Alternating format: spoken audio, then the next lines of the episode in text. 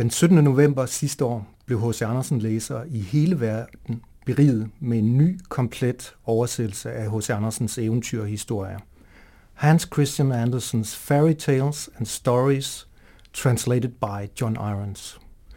Grunden til, at jeg siger hele verden, er fordi oversættelsen er blevet digitalt og frit tilgængeliggjort for alle og enhver. Det var Syddansk Universitet, der lagde det økonomiske grundlag for oversættelsen. Som en ekstra bonus til denne podcast-serie om H.C. Andersen i England har vi fået oversætteren John Irons til at læse fire af sine fantastiske oversættelser højt for os.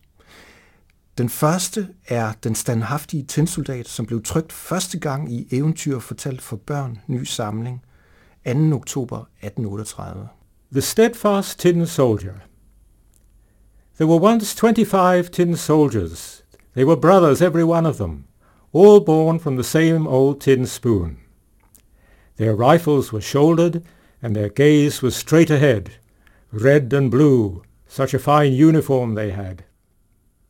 The very first thing they heard in this world, when the lid was taken off the box in which they lay, was Tin soldiers! That's what a young boy cried, and clapped his hands. He'd been given them because it was his birthday, and he now placed them up on the table. Each soldier was the spitting image of the next. Only one of them was a bit different. He had one leg, for he had been last to be cast, and there wasn't enough tin left.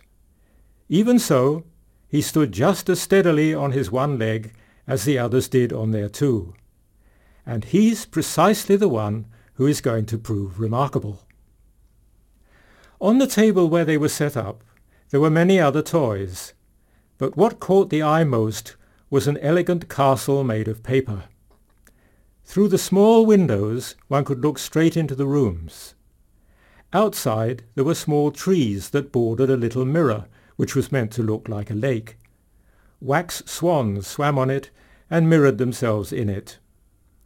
It was all very elegant, though most elegant of all was a young maiden who stood right in the open castle door. She too had been cut out of paper, but wore a skirt of the brightest lawn cloth and a small narrow blue ribbon over her shoulder, rather like a drape. In the middle of it there was a gleaming sequin, as large as her whole face. The young maiden stretched out both her arms, she was a dancer, and lifted one leg so high in the air that the tin soldier couldn't find it at all, and thought she only had one leg, just like himself. That's the sort of wife I'd like, he thought, though she's a bit classier than me. She lives in a castle, and I only have a box, and twenty-five of us share it. That's no place for her. But I must strike up an acquaintance even so. And he lay down at full stretch behind a snuff-box that was standing on the table. From there he could readily see the little lady, who went on standing on one leg without losing her balance. When evening came, all the other tin soldiers were put back in their box, and those in the house went to bed. Now the toys began to play Guess the Stranger, waging war and holding a ball.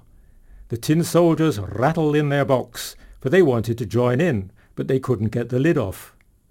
The nutcracker did somersaults, and the stylus larked around on its slate. They made such a din that the canary woke up and also started to talk and in rhyming verse. The only two who stayed put were the tin soldier and the young dancer. She stayed poised on tiptoe with both her arms stretched out. He was just as steadfast on his one leg. His eyes didn't leave her for an instant. Now the clock struck twelve, and smack! Off came the lid of the snuff-box. But there wasn't any snuff in it. Oh no, just a little black troll. Quite an artifact. Tin soldier, the troll said, you just keep your eyes to yourself. But the tin soldier pretended not to have heard him. Well, just you wait till tomorrow, the troll said.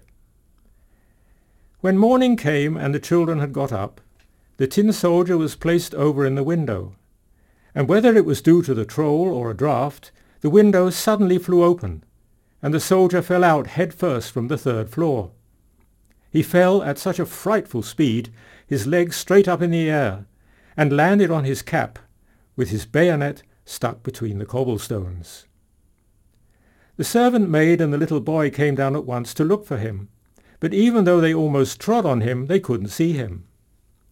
If the tin soldier had shouted, I'm here, they would probably have found him, but he didn't feel it was appropriate to cry out loud as he was in uniform. Now it started to rain. The one dropped faster than the other. It was quite a downpour. When it was over, two street urchins came along. Hey, look at that, one of them said. There's a tin soldier lying there. Time he had a sail. So they made a boat out of newspaper, placed the soldier in the middle of it, and off he sailed down the gutter. Both boys ran alongside, clapping their hands.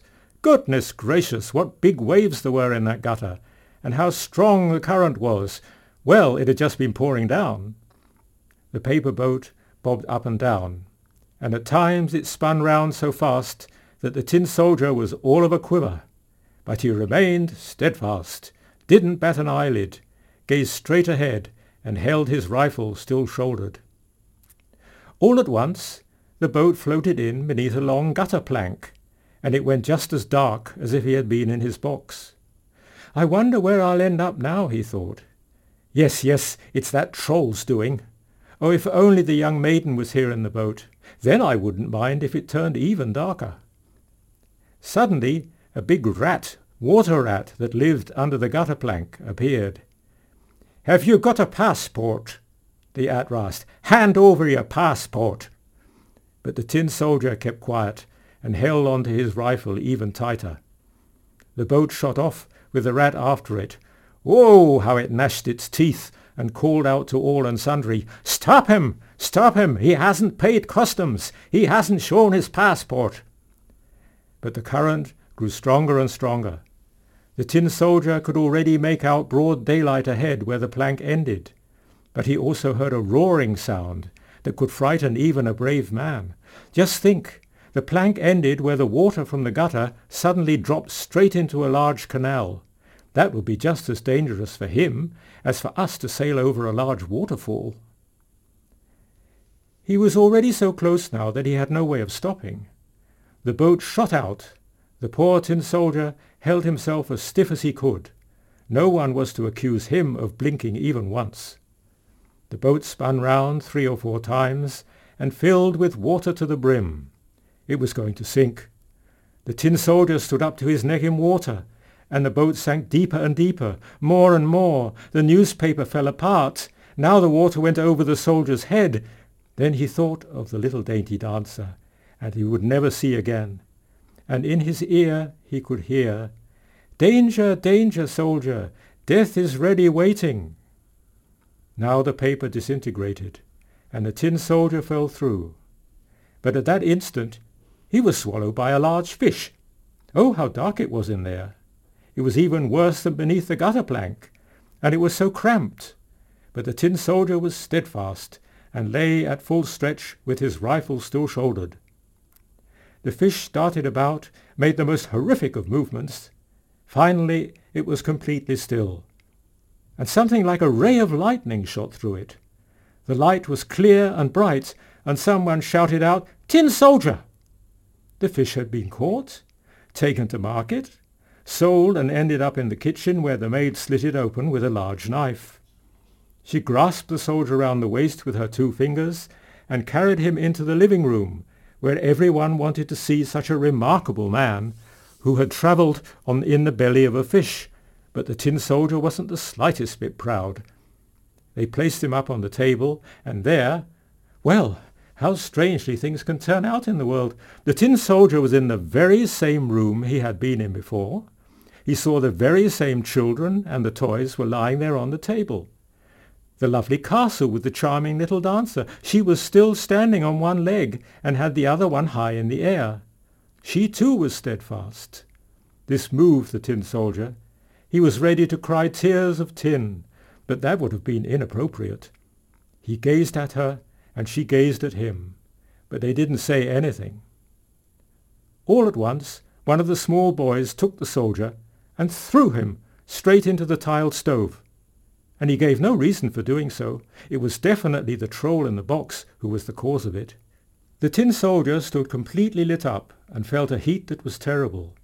But if it came from the real heat or from love, he didn't know. His colours had all gone. If this had come from his travels or was from grief, no one could say. He gazed at the young maiden, she gazed at him, and he could feel himself melting, but he still stood steadfast with his rifle shouldered. Then a door went up, the wind caught hold of the dancer, and she flew like a sylph into the tilted stove to the tin soldier, flared up, and was gone. Then the tin soldier melted into a lump, and when the maid took the ashes out afterwards, she found him as a small tin heart.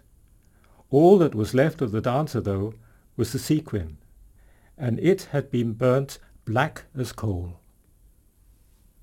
Den anden er Vanddråben, trykt første gang i engelsk oversættelse med titlen The Drop of Water i A Christmas Greeting to My English Friends, der udkom i december 1847.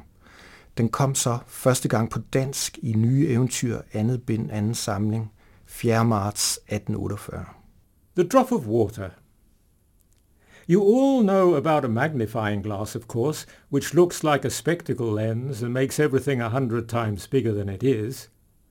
When you take it and put it up to your eye, and look at a drop of water from the pond, you see more than a thousand strange creatures you'd otherwise never see in the water, although they're there all right, and it's absolutely real. It almost looks like a whole plateful of shrimps cavorting in one great jumble, and they're so ferocious that they pull arms and legs and whatever off each other. But they are happy and content, nevertheless, in their own way. Now there was once a man who everybody called Creepy Crawly, for that was his name. He always wanted to get the best out of everything, and when things refused to turn out as he wanted, he made use of magic. Well, one day he's sitting holding up his magnifying glass to his eye, looking at a drop of water that's been taken from a puddle in the ditch. Oh, the creeping and crawling that was going on there! all the thousands of small creatures leapt and bounded, tugged at each other, and ate up bits of each other. Well, this is really atrocious, old Creepy Crawly said. Why can't they be got to live in peace and quiet, and not interfere in each other's business? And he thought and thought, that things just wouldn't turn out as he wanted, so he had to use magic. I must give them a bit of colour, to distinguish them from each other, he said and poured what looked like a tiny droplet of red wine into the drop of water. But it was witch's blood, the very finest sort that cost two shillings. And then the bodies of all the strange creatures turned pink. It looked like a whole city of naked savages. What have you got there? asked another old troll, who didn't have a name, and that was the really fine thing about him. Well, if you can guess what it is, Creepy Crawly said, I'll let you have it as a present. But it's not easy to work out when you don't know what it is.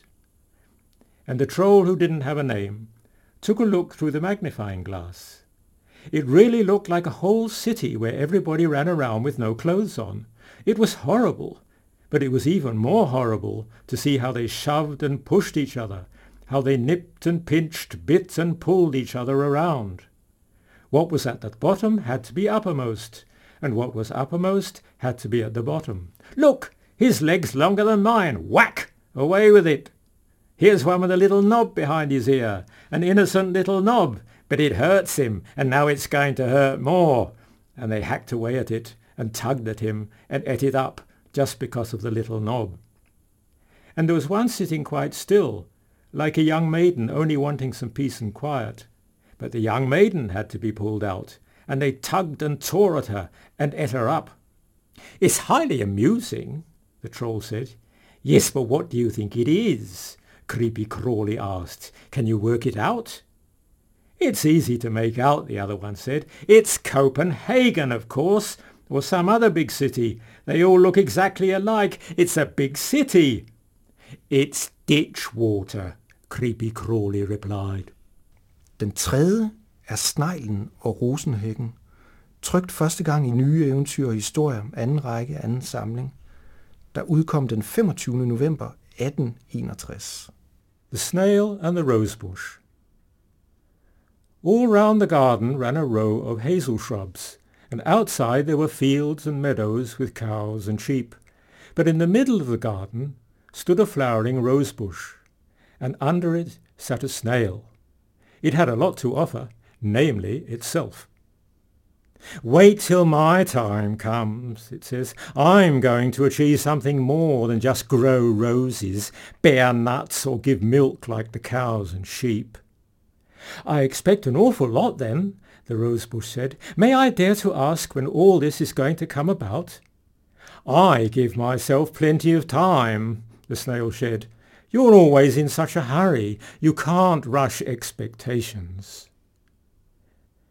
The following year, the snail lay in roughly the same spot in the sunshine under the rosebush, which budded and unfolded its roses, always fresh, always new.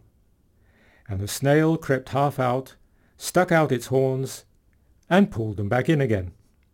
Everything looks just like it did last year, no progress whatsoever. The rosebush insists on growing its roses. It's not got any further. The summer passed, the autumn passed. The rosebush still had flowers and buds right up until the snow fell. The weather turned raw and wet.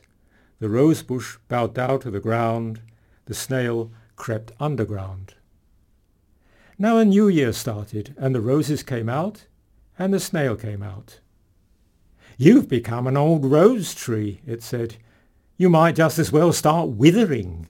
You've given the world everything you had in you. Whether it meant anything or not is a question I haven't had time to think about, but it's quite obvious that you haven't done a thing for your inner development.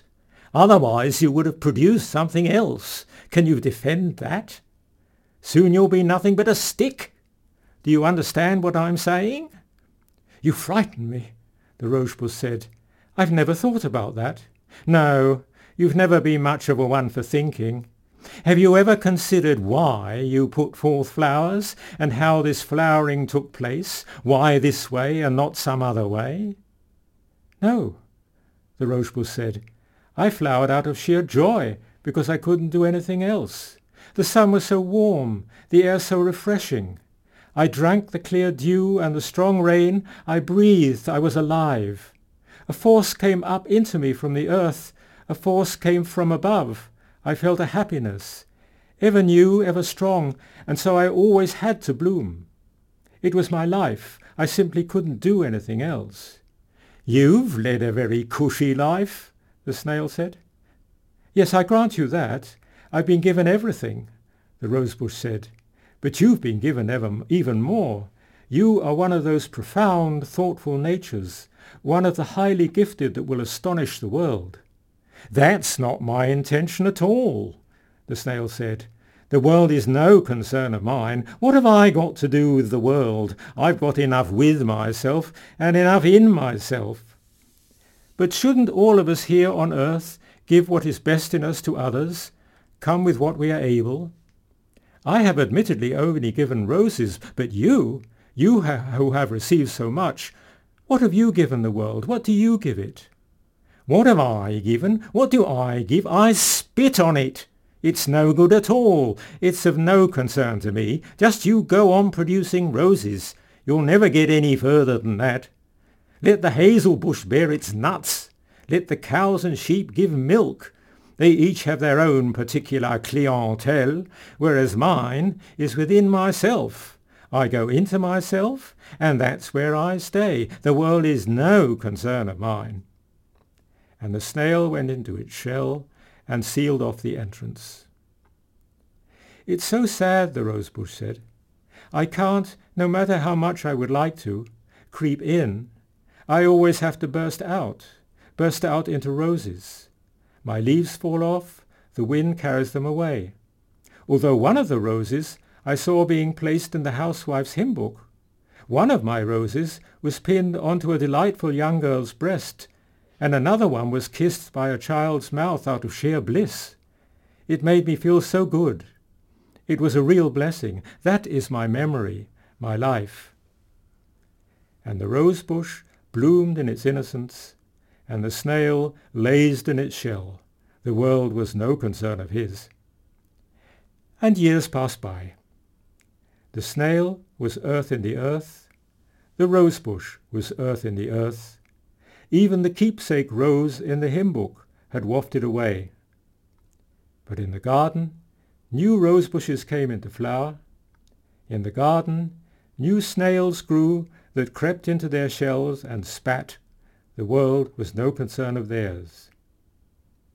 Shall we read the story from the beginning again? It will still be the same.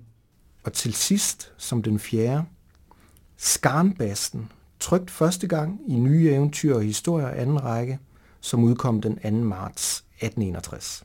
The Dung Beetle The emperor's horse was given gold shoes, a gold shoe on each hoof. Why was he given gold shoes?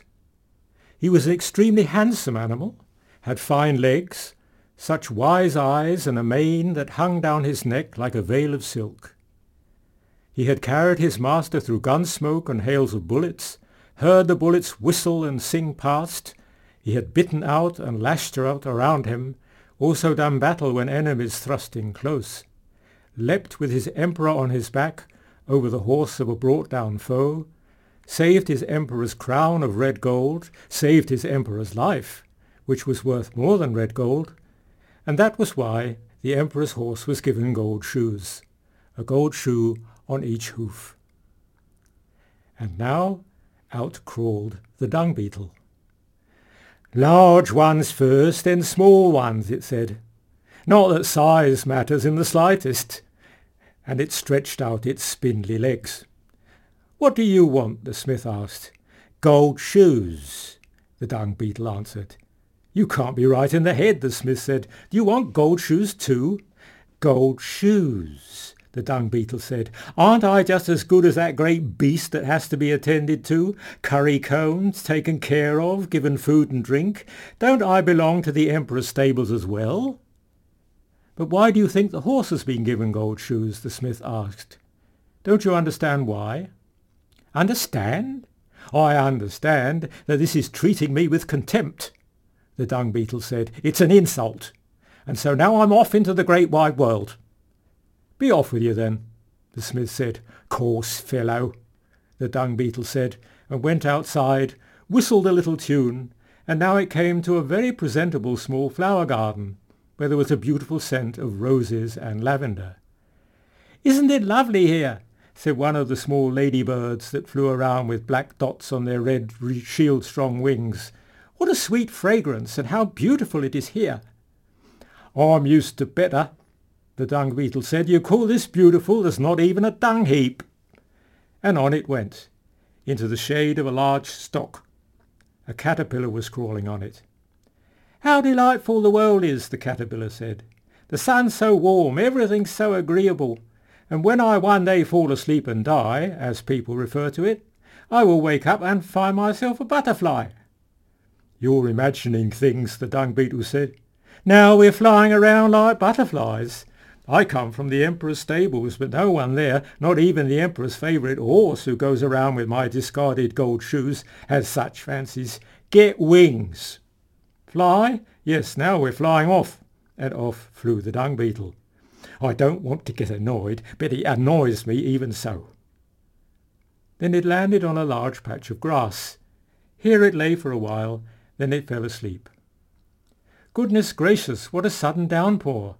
The dung beetle woke up with all the splashing and wanted to get down into the ground as once, but it couldn't. It turned over. It swam on its stomach and on its back. Flying was out of the question. It was sure it would never get away from the spot alive.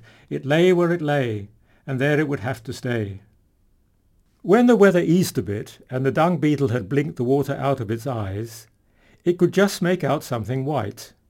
It was linen being bleached. It managed to reach it, crept into a fold of the wet linen cloth. It was admittedly not the same as lying in a warm heap in the stables, but there was nothing better to be had here. So it stayed there a whole day, a whole night, and the rainy weather did likewise. Early the next morning the dung beetle crept out. It was annoyed with the climate. On the linen two frogs were sitting, their bright eyes gleamed with sheer pleasure. What marvellous weather, one of them said. How refreshing it is.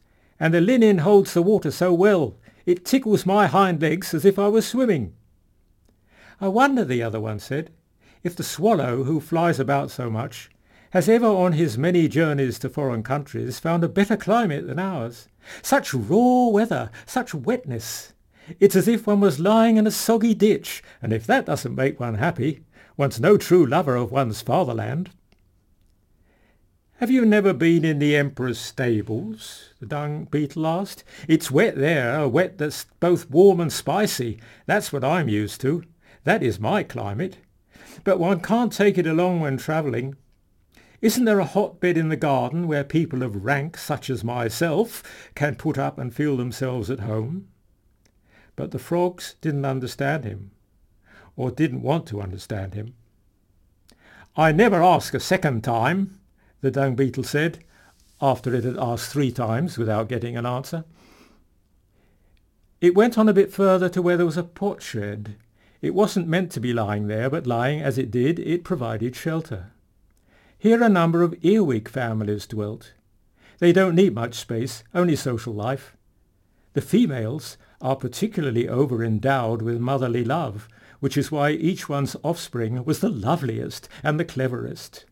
Our son has become engaged, one mother said, the sweet innocent thing. His highest aim is one day to creep into the ear of a clergyman. He's so lovably childlike, and the engagement keeps him away from youthful excesses. This is so gratifying for a mother. Our son, another mother said, was on the go the moment he came out of the egg. He's a bundle of energy. He's having his youthful fling. That's so immensely gratifying for a mother, isn't it, Mr. Dung Beetle? They recognized the stranger by his appearance. You are both so right, the dung beetle said, and then it was invited inside, as far as it could manage to fit in under the potsherd. You must also see my little earwig, a third and fourth mother said. They are most lovable children and so amusing. They never misbehave except when they have a stomach ache, but that's so frequent among children of their age. And then every mother talked about her offspring, and the young earwigs joined in and used the little fork they had on their tail to tug at the dung beetle's whiskers. They're always up to something, the little rascals, the mother said, brimming over with motherly love. But all this bored the dung beetle, so it asked if it was a long way from there to the hotbed. It's far off in the world on the other side of the ditch, the earwig said. So far I hope none of my children will ever venture, for it would be the death of me. I will try to make it even so, the dung beetle said, and left without saying goodbye. That is the most courteous. At the ditch it met several of its own kind, all dung beetles. This is where we live, they said. We're nice and warm here. Can't we invite you to join us down here in our rich mire? Your journey must surely have tired you out. It has, the dung beetle said. I've lain on linen in rainy weather, and cleanliness really takes it out of me. I've also got rheumatism in my wing joint from standing in a draught under a potsherd. It's truly refreshing to come to one's own kind this time. You've come from the hotbed, perhaps, the oldest one asked. Higher up, the dung beetle said. I come from the Emperor's stables, where I was born with gold shoes. I'm on a secret mission. There's no point in grilling me about it, for I won't say a word. And then the dung beetle climbed down into the rich mire. There three young female dung beetles were sitting. They giggled, for they didn't know what to say. They're not engaged, their mother said, and then they giggled again, but this time out of shyness. I've not seen any more beautiful in the Emperor's stables, the travelling dung beetle said. Please do not lead my young daughters astray, and do not speak to them unless you have honest intentions. But you have, of course, and I give you my blessing. Hurrah! all the others said, and with that the dung beetle was engaged. First engagement, then wedding. There was no reason to wait. The next day everything went fine. The second day dragged by, but on the third day one had to think about feeding the wife, and possibly tiny tots as well. I've allowed myself to be surprised, it said, So I think I must surprise you in return. And it did. It was gone. Gone the whole day, gone the whole night, and the wife was a widow. The other dung beetles said that they had taken a real vagabond into the family. They were now saddled with the wife. Now she can sit there as a spinster again, the mother said. Sit there as my child. Oh, the horrid brute that left her. In the meantime, the dung beetle was on the move, however, had sailed on a cabbage leaf across the ditch. In the early morning two persons came by. They saw the dung beetle, picked it up, turned it over and over, and both were very learned, especially the younger one. Allah sees the black beetle in the black stone in the black mountain.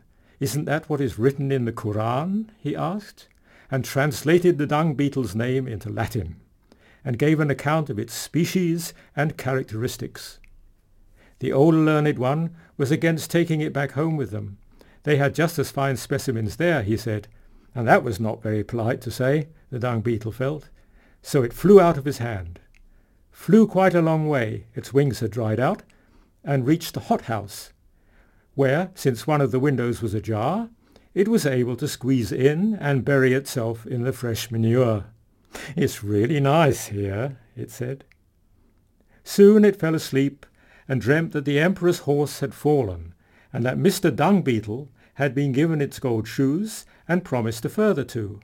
That was most agreeable, and when the dung beetle woke up, it crawled out and looked up. What magnificence there was in the hothouse!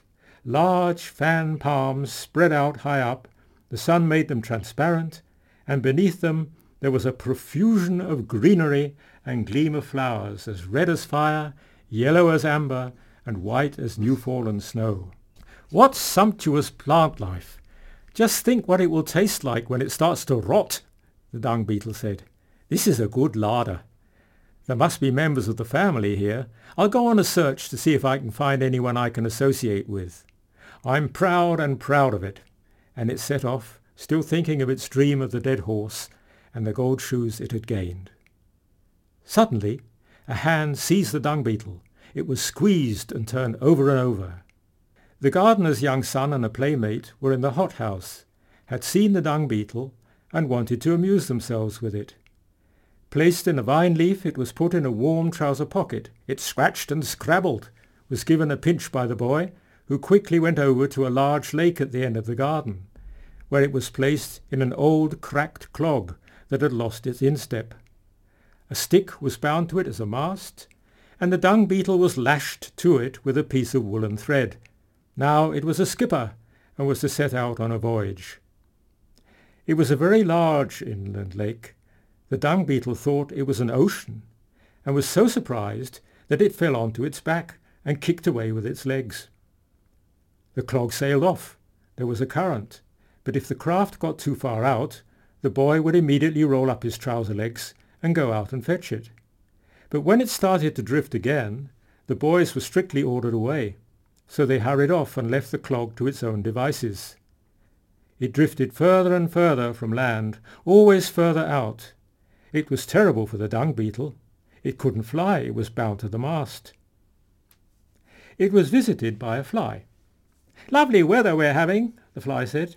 Here's a good place to rest, to bask in the sun. You've a most pleasant spot here. You speak to the extent your reason allows. Can't you see I've been tethered? I'm not, the fly said, and off it flew. Now I know the world, the dung beetle said. It is a base world. I'm the only honest one in it. First they refuse to give me gold shoes. Then I have to lie on wet linen, stand in a draught, and finally they foist a wife onto me. If I take a bold step out into the world and see how one can fare and how I would fare, along comes a young human pup and lashes me to the mast out on the wild ocean. And meanwhile the emperor's horse goes around in gold shoes. That annoys me most of all. But one can't expect any sympathy in this world. The course of my life is highly interesting, but what use is that when nobody knows about it? The world doesn't deserve to know about it either, Otherwise it would have given me gold shoes in the emperor's stables when his favourite horse was shoed. I stretched my legs out. If I had been given gold shoes, I would have done honour to the stables. Now it has lost me, and the world has lost me. It's all over. But all wasn't over yet, for along came a boat with some young girls in it. There's a clog out there in the water, one of them said. There's a tiny creature tethered to it, another one said. They were right alongside the clog, took it up, and one of the girls took out her small scissors, cut through the woolen thread without harming the dung beetle, and when they came ashore, she placed it in the grass. Crawl, crawl, fly, fly if you can, she said. Freedom's a wonderful thing. And the dung beetle flew straight through the open window of a large building and sank down into the fine, soft, long mane of the emperor's favourite horse, which was standing in the stables where it and the dung beetle had their home. It clung to the mane and sat there collecting its thoughts. Here I am, sitting on the emperor's favourite horse, as a rider. What did I say? Yes, now everything is clear to me. It's a good idea and a correct one. Why did the horse get gold shoes? That's what the smith asked me too. Now I realize why. It was given gold shoes because of me. And this put the dung beetle in a good mood. Travel clears the mind, it said. The sun shone down on it, shone so beautifully. The world's not so bad even so, the dung beetle said. One just needs to know how to take it. The world was delightful because the emperor's favourite horse had been given gold shoes since the dung beetle was to be its rider. Now I'll climb down to the other beetles and tell them how much has been done for me. I'll tell them about all the pleasant things I have experienced on my foreign trip, and I'll say that I'm staying at home until the horse has worn out its gold shoes.